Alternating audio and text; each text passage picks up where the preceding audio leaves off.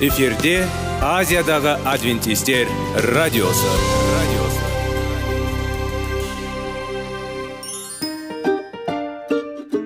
сәлем достар. Денсаулық өмір бұлағы және біздің бірінші байлығымыз демекші денсаулық сағаты рубрикасына қош келдіңіздер. Біздің рубрикада біз әртүрлі факторларменен мәліметтерменен кеңестерменен бөлісіп шын жүректен сіздердің дендеріңіз сау болғанын қалаймыз. Сол үшін біздің рубрикаға қош келдіңіздер. Дайындалып тұрыңыздар. Өйткені келесі минуттарда қызықты фактілерге ие боласыздар. Енді достар ең бірінші байлығымызды қолымызға алып алға кеттік.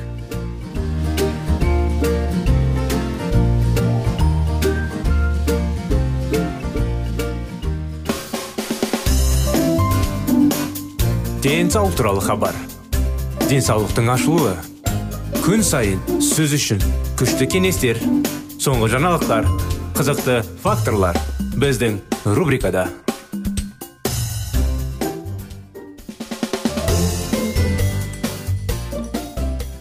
сәлем армысыздар біздің құрметті достар құрметті біздің радио тыңдаушыларымыз біздің денсаулық сағат бағдарламамызға қош келдіңіздер келіңіздер достар денсаулығымызды туралайық. Денсаулық жайлы анықтамаларды тыңдап мәліметтер тыңдап. Әрине денсаулыққа пайдасына әкелу үшін қандай тәсілдер керек? Қандай біздің күшіміз қажет ол үшін? Әрине көптеген адамдар денсаулықты қалай күту жайлы білсе де оны орындамайды. Сондықтан оңай тәсілдерді орындап көңіл күйіміз керемет болып әрине әрдайым сау болып жүргенге не жетсін. Сондықтан құрметті достар сіздердің назарларыңызға дұрыс әдеттер пайдалы әдеттер десек те болады. Сондықтан бүгінгі тақырыбымыз сіздерге оң ойлау әдеті. Оң ойлау әдеті денсаулыққа қандай пайдасы қандай әсері бар екенін анықтау үшін ары қарай бізбен бірге болыңыздар. Бүгін біз және тұлғаны дамыту саласындағы ең қарама қайшы ұғымдардың бірі туралы әңгімелесетін болсамыз. Позитивті ойлау орысша айтқанда сөз тіркесі соншалықты келеді. Бұл көптеген адамдарда жағымсыз қауымдастықтар тудырады. Бірақ ойланудың өзі оң маңызды. Неге оң ойлауға болады? Оң ойлау бұл таңдау сіз көңіл күйіңізді көтеретін күрделі жағдайларға неғұрлым конструктивті көзқарас ашатын және сіздің күніңіздің жарқын оптимистік көзқараспен бояйтын нәрселер туралы ойлауға құқылы ғой. Он дүниетанымға артықшылық бере отырып біз өміріңізді сіз өміріңізді шектейтін теріс ойлау шеңберінен шығып өмірдің алаңдаушылық пен кедергілерге емес мүмкіндіктер мен шешімдерге толы екенін көресіз. Әр жаңа күн бізге күрделі міндеттер қояды. Олардың шешімі көп күш жігерін денсаулығын және өзіне деген сенімділігін талап етеді. Өз күш қуат көзін табу көңіл күйді жақсарту және өмірлік қиындықтарды жеңуден неғұрлым тиімді болу оң ойлауға көмектеседі. Біз оң ойлаған кезде не болады? Әсері қандай? Не үшін біз оны ойлауымыз керек? Біздің жан сезімдеріміз бен физикалық денсаулығымыз өмір бойы өзімізді жіберіп отырған эмоциялармен тікелей байланыста болады.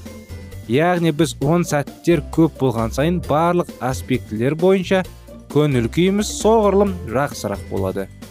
Біз теріс ойларды алға жылжытамыз оларға батырылмаймыз.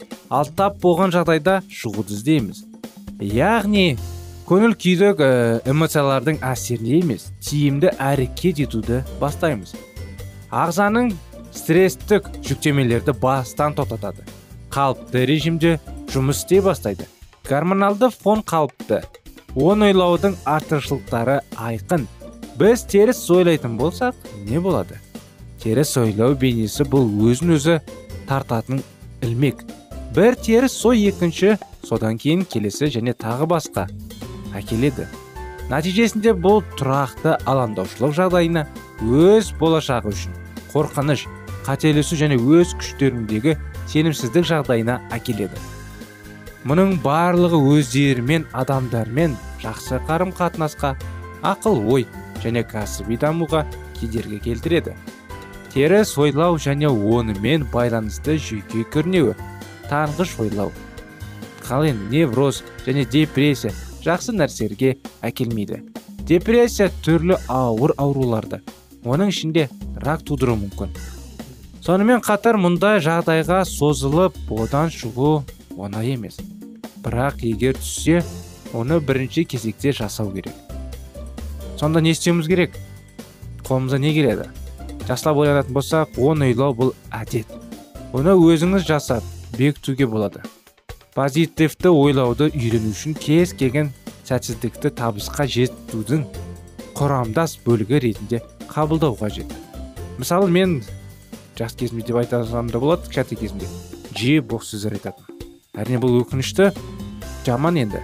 Бірақ бара бара мен бұл нәрселерді дереу байқап оны өзгертуге тырыстым. Бір күні мен үйде де боқ сөзді шығып қала жаздады аузымнан сондан жаман сөздердің бәрі қаяқтан пайда болып бұның бәрін доғарту керек деп ойға келдім да келесі күннен бастап мен мүлдем сөздерімді өзгерттім. Әр, әр, әр сөйлеп жүрдім бірақ арасында жаңағы жаман сөздерді қолданбауға тырыстым. Содан енді қазіргі уақытта құдайға шүкір мен дұрыс сөйлеп жүрмін. Ойдың он бейнесін игеру үшін сіз өз өзіңізді қадағалап бастау керек. Мен істей алмаймын. Түріндегі сөздердің орнына мен үйрене аламын. Мен білмеймін деген сөздің орнына маған білу қызықты болар еді деген сөзді қолдану керек.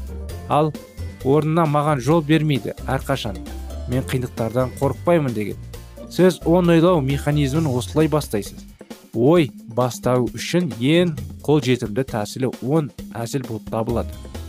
Егер сіз өзіңізбен күле алатын болсаңыз бұл сіздің ойларыңыздың он бейнесі жолындағы үлкен қадам. Егер сіз құтылу үшін емес болу керек нәрселерге өз ойларын шоғырландырсаңыз қарапайым айтқанда мәселенің өздері туралы емес оларды шешу мүмкіндіктері туралы ойланыңыз. Сонда қорытындыға келсек қандай қорытынды күтіп отыр бізді? Позитивті дұрыс керемет ойлар күні бойы жағымды көңіл күй сыйлайды. Оны ойлауды бастаңыз және сіз бақытты табысты және денсаулыққа толы өмір жасасаңыз қандай керемет. Әрине оны өздеріңізде ғана емес достарыңызға да үйдегілеріңізге де осындай кеңестерді ұсыныңыздар. Әрине адам түнделеп жүрсе мұңайып қайда жаман нәрселерді жиі ойлап көңіл күй болмаса әрине оның бәрі ағзаға әсер етеді миға әсер етеді. Содан бара бара адам стресс пен стресс болып жүреді. Не ең болмаса осылай біздің бүгінгі сабақ сияқты дұрыс ойлап мен қолымнан келеді. Қолымнан келмейтін нәрсе ештеңке жоқ деп өзің ұмтылысқа алып өзін қолында ұстап керемет ойларға ұмтылса әрине әрдайым дұрыс ойлауға тырысады. Сондықтан құрметті достар мінекей осындай анықтама бүгінге біздің бағдарлама осымен аяғына келді. Сіздерді келесі бағдарламада күтеміз. Келесі жолға дейін сау болыңыздар.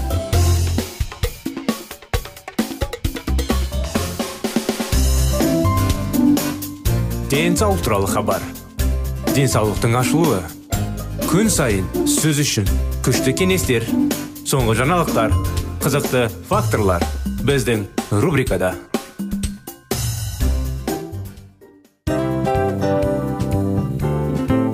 Әуелі байлық денсаулық екінші байлық он саулық үшінші байлық ақ жаулық. Ал енді осындай радио парақшадан кейін не дейміз?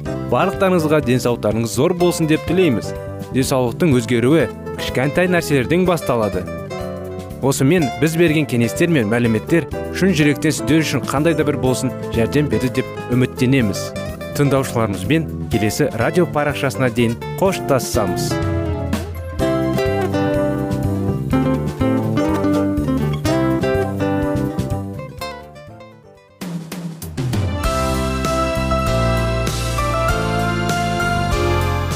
эфирде азиядағы адвентистер радиосы.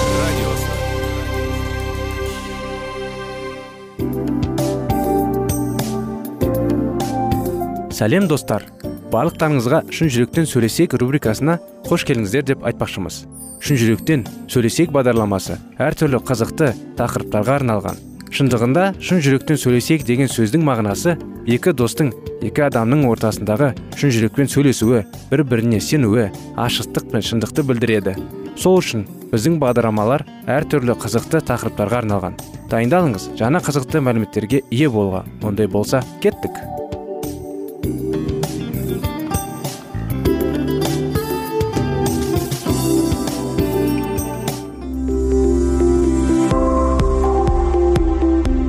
алтын сөздер.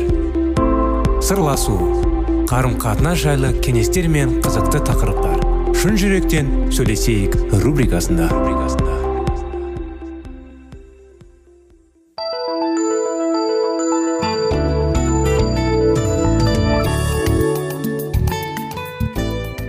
Армысыздар ассалаумағалейкум біздің құрметті достар құрметті радио тыңдаушыларымыз. Біздің шын жүректен сөйлесейік бағдарламамызға қош келдіңіздер. Келіңіздер құрметті достар шын жүректен сөйлесейік. Шектеулер кітабын жалғастырайық. Бірге ашықтық заңы өз әрекеттеріңіздің нәтижелерін алдын ала бағалаңыз. Не істемек екенімді айтатын болсам оның ренжітіп қалуы мүмкін ғой деді джейсон. Ол маған жұмасы дұрыс қатқара алмай жүрген серіктесінің міндеттерінің біразын өз мойнына алғысы келетінін айтқан еді. Мен оған серіктесімен ашық сөйлесуге кеңес бердім. Әрине бұл үшін жағымсыз болды дедім мен. Сонымен сіз неде қысылып тұрсыз? Мәселе менің оған жағымсыз нәрсе айтқым келмейтінінде деді ол маған. Осыны айтпай ақ түсінуге болады ғой дегенді көзқараспен қарап. Оны ренжіткіңіз келмейтініне сенімдімін дедім мен. Бірақ мұның сіз қабылдамақ болған шешімге қандай қатысы бар? Мен оның өзін қалай сезінетінін ойлап осы шешімді қабылдай алмай отырмын. Бұл қатыгездік болады ғой. Иә мен сізбен келісемін. Бұл қатыгездік болады. Енді онымен қалай сөйлеспексіз? Сіз қазір ғана оған мұны айтатын болсам оны ренжітіп алатынмен және мұның қатыгездік болатынымен келісетіңіз ғой. Жоқ олай дегенім жоқпын деп жауап бердім мен. Мен бұл туралы оның сезімдерін есепке алмай ойырып отырып айтудың қаталдық болатынын айттым. Бірақ бұл сіздің қажет деп тапқаныңызды істемеуіңіз керектігін білдірмейді. Ешқандай айырмашылықты көріп тұрған жоқпын. Бұл оған бәрібір ұнамайды. Бірақ бұл оған зиянын тигізбейді. Мұнда үлкен айырмашылық бар. Егер шындығына келетін болсақ алға жағымсыз әсері оған көмегін тигізеді. Мүлде ештеңе түсінер емеспін. Жағымсыз әсерлер оған қалай көмектесе алады? Сіз тіс дәрігерінің алдына барып көрдіңіз бе? деп сұрадым мен одан. Әрине дәрігердің тісіңіздің бұрынғылғана сіз үшін жағымсыз болды ма? Иә тіс дәрігері сізге зиян жасады ма? Жоқ керісінше дәрігер барғаннан кейін мен өзімді жақсы сезіндім. Ауру мен зиян келтіру екі түрлі нәрсе деп түсіндірдім мен. Тіс жегіні дамытатын қатты жеу сізге жағымсыз болды ма? Жоқ керісінше ол тәтті болды деді джейсон бір нәрсені түсіне бастағанын білдіре күлімсіреп. Қант сізге зиянын тигізеді ме? Иә. Міне мәселе қайда? Кейбір нәрселердің бізге зиянын тигізбей бірақ жамызды ауыртуы мүмкін. Тіпті олардың бір үшін біз үшін пайдалы болып шығуға да әбден мүмкін. Ал жанымызға ләззат беретін нәрселердің керісінше зиян келтіруі мүмкін. Сіз өз әрекеттеріңіздің нәтижелерін алдын ала бағалауға және өзге адамның алдында жауапты болуға тиіссіз. Бірақ бұл сіздің біреу ашуланады немесе ренжеді екен деп шекаралар орнатудан бас тартуыңыз керек дегенді білдірмейді. Шекаралардың болуы джейсонның жағдайында серіктесіне жоқ деп айту. Бұл өмірде мақсатты болу. Бар қақпалар туралы айтқанда иса осы туралы да ойлады. Тозаққа апаратын кен жолмен жүру және қажет кезінде шекалар орнатып жалғастыра беру қанша жеңіл болады. Бірақ мұның нәтижесі барлық уақытта да бірдей яғни тозақ. Тек қана адал алдағы мақсат қойған өмір ғана жақсы жеміс әкеледі. Табандылық танытуға және ағысқа қарсы жүзуге тура келетіндіктен шектеулер орнату қашанда қиынға түседі.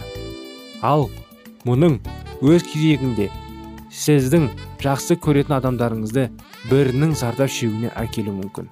Біздің өз әрекеттеріміз арқылы салауатты мүмкін жан ауруын бағалай және оған жаншырлықпен қарай білуіміз қажет. Мысал ретінде сәндиді алып қарай. Сэнди білу мерекесі кезіндегі демалысында үйіне бармай. Достарымен бірге шыңға тебу және көрді. Оны демалысқа келеді деп күткен анасы әрине бұған жабырқап қалды. Бірақ бұл оған зиянын тигізген жоқ. Сэндидің қабылдаған шешімі оның қайғыруға мәжбүр етті. Бірақ бұл қайғы сэндиді шешімнің өзгертуіне мәжбүрлеуге тиіс емес. Сүйуші қыздың анасының қайғыруына беретін жауабы шамамен мынандай болуы тиіс. Апаттай сізге бара алмайтынына мен де өкінемін. Және жазғы демалыста асқа күтемін. Егер анасы сэндидің таңдауын құрметтейтін болса онда ол шамамен былай деп жауап береді.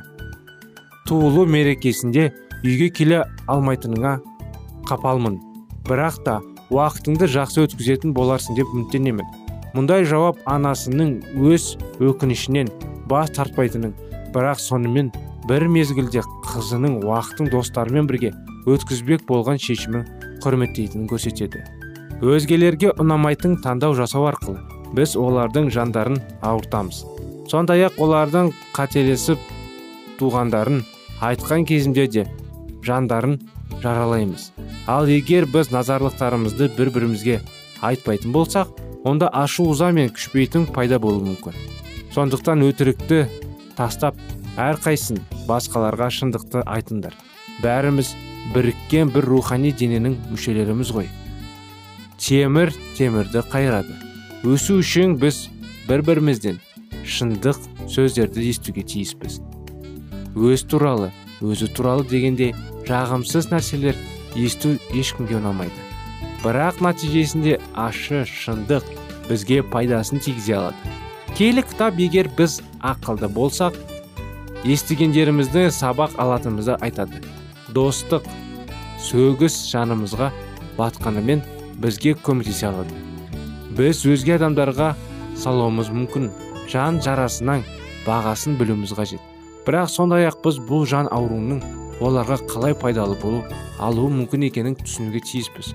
Мұны дұрыс бағалай білу керек.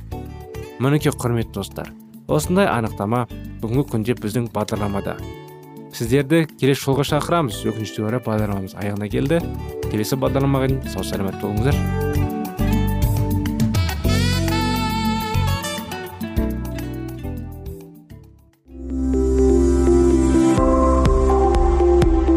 Алтын сөздер. Сырласу.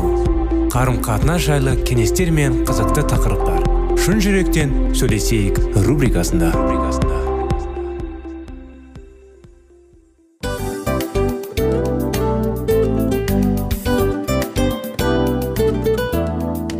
Құрметті достар барлық ең соңғы кеңестер аяқталған соң біздің программамыз соңына келіп қалды. Осы біздің мәліметтер осы рубрикада айтылған әрбір сөздер сіздерге өзінің қандай да бір пайдасын алып келді деп шын жүректен сенеміз. Және бұдан да көптеген рубрикаларымыз бар.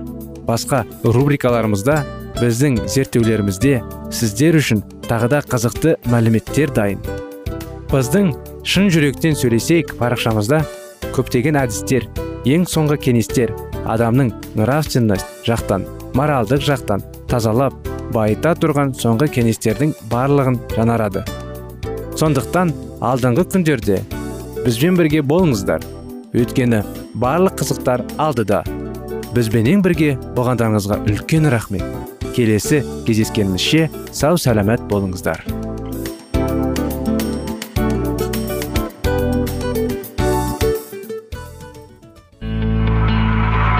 Жан дүниеңді байытқан жүрегіңді жаңғыртқан өмірдің мағынасын ойландырған рухани жаңғыру.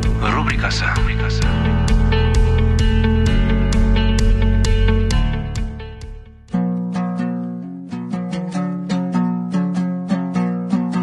Ассалаумағалейкум біздің тыңдаушыларымыз. Келі кітаптың шындығын ашып берген қысқа бағдарламасына қош келдіңіздер. Барлығынан жоғары жаратушы біздің қарыңғылықта жалғыз қалдырып қойған емес. Өйткені ол келешекте не болу керек екенін киелі кітаптың парақтарында ашып береді. Немесе келіңіздер бізге қосылыңыздар. Жаратушы бізге нен ашып бергенін зерттейміз. Сәлеметсіздер ме? Армысыздар? Құрметті біздің достарымыз құрметті біздің тыңдаушыларымыз. Әрине бүгін біздің бағдарламаға қосылып жатқан жаңадан естіп жатқан біздің бағдарламаны тыңдаушыларымыз болса сіздерге де сәлем жолдаймыз. Сонымен біздің рухани жаңғыру бағдарламасына қош келдіңіздер деп айтпақшымыз сіздерге.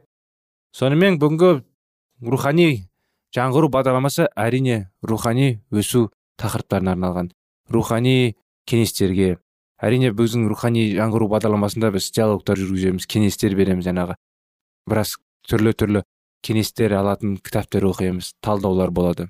Сонымен бүгінгі қазір талдау оқып жатқан кітабымыз жаратушыға апаратын жол жайлы. Әрине өткен тақырыптарда біз не жайлы айттық естерге түсе кетсек жаңағы өзіміз күнәлардан ештеңе істей алмаймыз. Әрине өмірдің мақсаты енді қиыншылықтардың денсаулық жайлы бәрі көмектесетін жайында тек қана иса мәсіх көмектесе алады сонымен алды қарай жалғастырып оқи бастасақ былай дейді. Егер сіз бұл өміріңіздің өзіңізге бере алмайтындай жақсылықтарына жан тәніңізбен құштарлана ұмытылатын болсаңыз онда сіз өзіңізге бағытталған құдайдың үніне естуге ұмытылғандарыңызды мойындауға тиіссіз. Сондықтан жаратушыдан күнәларыңыздан кейін шегініп тәубеге келуіңізге көмектесуін мәсіхтің шексіз сүйіспеншілігіне оның асқат пәк тазалығын сіз үшін жол ашыларын өтініп сұраңыз.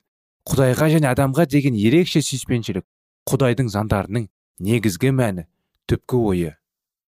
Осының өзі құтқарушының өмірінде кемелді көрініс тапты. Оның өмірі риясыз сүйіспеншілік және игіліктің істері толы болды.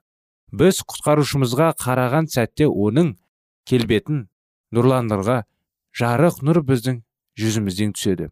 Сонда ғана біз өз өзіміздің қапас дүниесінің түнігіндей қараңғы екендігін ал күнәқарлық және бұзылғандық жан дүниемізде тамырларын тереңдіктен жағайынған көреміз.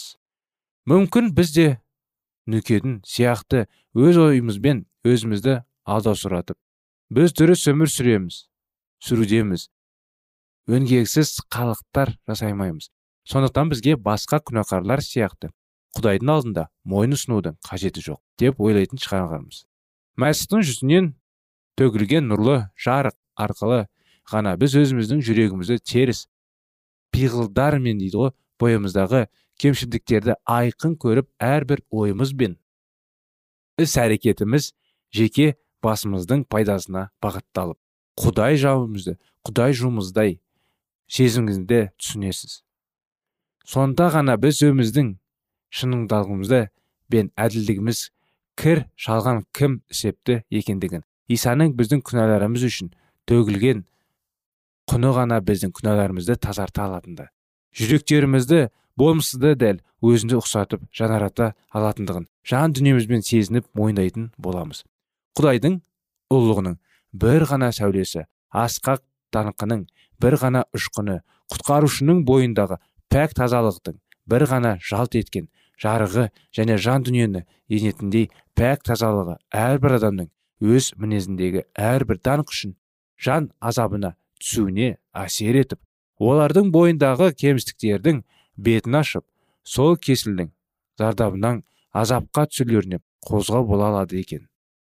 Күнәқардың ішкі жан дүниесіндегі пиғылының бұзықтығы жүрегінің сезімдігі және тілінің таза есімдегі жайлы ақиқи шындықтың беті ашылды. Олар өздерінің сенімсіздіктен туған күмәнді істер құдайдың занына кереғар келетініне көз жетеді. Оның ішкі жан дүниесіне құдай рухы әсер етіп қиналғаннан жүрегі қысылады. Ол исаның еш кемшіліксіз пәк таза менсізіне қарап өзіне жирік, жиріккенішпен қарайтын болады. Даниал пайғамбар өзіне жіберілген аспан хабаршысын қоршаған ұлылықты көргенде өзінің әлсіздігі мен жетілгендігін сезінеді. Өз басынан өткен ғажайып көріністерді көргеннен алған тамаша әсерлі сезімдерін бейнелей отырып ол былай дейді менің түрім ерекше өзгеріп бойымдағы қуатым әлсіреді ширақтағым жоғалып кетті осындай әсерді өз бойында сезінген адам өзінің міндетіндігі мен өзімшілдегі жирікке қарап исаның тақуалығын шынайы сеніммен қабылдап құдайдың занына беріктік және исаның мінез құлқы мен іс амалдарына сәйкес келетіндей ішкі жан дүние тазалығына жетуге ұмтылады. Елші паул өзі туралы сөз сабақтағында тақуалыққа жету үшін заң жүзіндегі талап етілетін талаптар тұрғысында өзінің адал да таза болғандығын айтады. Бұл талаптар тек қана көзге көрінетін іс амалдар ретінде отырады. Заңына сай әділетімен мінсіз еді. Ал заңның рухани әділетімен жағы оған түсінікті болған кезде ол өзінің бойындағы күнәкарлықты көрді. Заңның талаптары тұрғысында адамның сырттай іс амалдары жайлы сөз ерте болсақ ол әдетте күнә істеуден тыйылып отырған ал келу сеттерге кернетін бойлап түсініктерін келгенде түскен кезде ол өзіне өз құдайдың көз қарасымен қарады. Осы кезде ол жаратушы иеге мойын ұсынып өз күнәларын мойындап тәубеге келуге мәжбүр болды. Елші бұл туралы былай деген бір кезде заңды білмей өмір сүрім ал заңның өсеттерін естіген соң мен күнә туралы түсіне бастап рухани тұрғыдан өлгенімді яғни құдайдың ажырағанымды білдім. Құдай заңының рухани қасиеттерін түсінген кезде барша күнәларының жерінше де күнәмді сипатты көз алдында келді. Сол кезде оның жүрегінде күмәні ізі де қалған жоқ. Құдай күнәнің барлығы бірде ауыр деп есептейді. Жаратушы еміз адамдар сияқты айыптықтың дәрежесін әрқалай бағалайды бірақ күнәнің ешқайсы да ол үшін кішігірім болып саналмайды. Мінекей достар бүгінгі бағдарлама аяғына келе кішкене қорытынды өте кетсек. Әрине көптеген күнәлар бар. Әр күнәнің өзінің қалай енді салмағы бар деп адамдар есептейді. Бірақ үлкен күнә болсын кіші күнә болсын оның бәрі салмағы бірде и барлығы және де күнә деп есептеледі.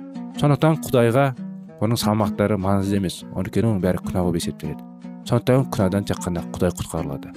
Ары қарай күнәнің салмағы тағы бір кеңестер болса оны келесі жолы біз өтеміз әрине.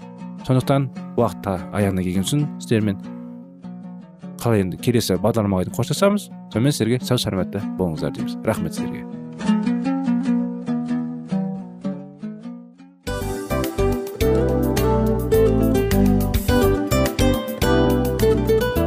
Осымен достар программамыздың зерттеуіміздің ең қайғылы минутына жеттік. Қайғылы дегенде бағдарламамыз тез арада өтті де кетті. Соған көңіліміз түсейін деп тұр. Жарайды қайғыны қояйық бүгінгі 24 сағаттың алтындай жарты сағатын бізге бөліп арнағаныңыз үшін рахмет. Егер де өткен сфераларда пайдалы кеңес алған болсаңыз біз өзіміздің мақсатымызға жеткеніміз.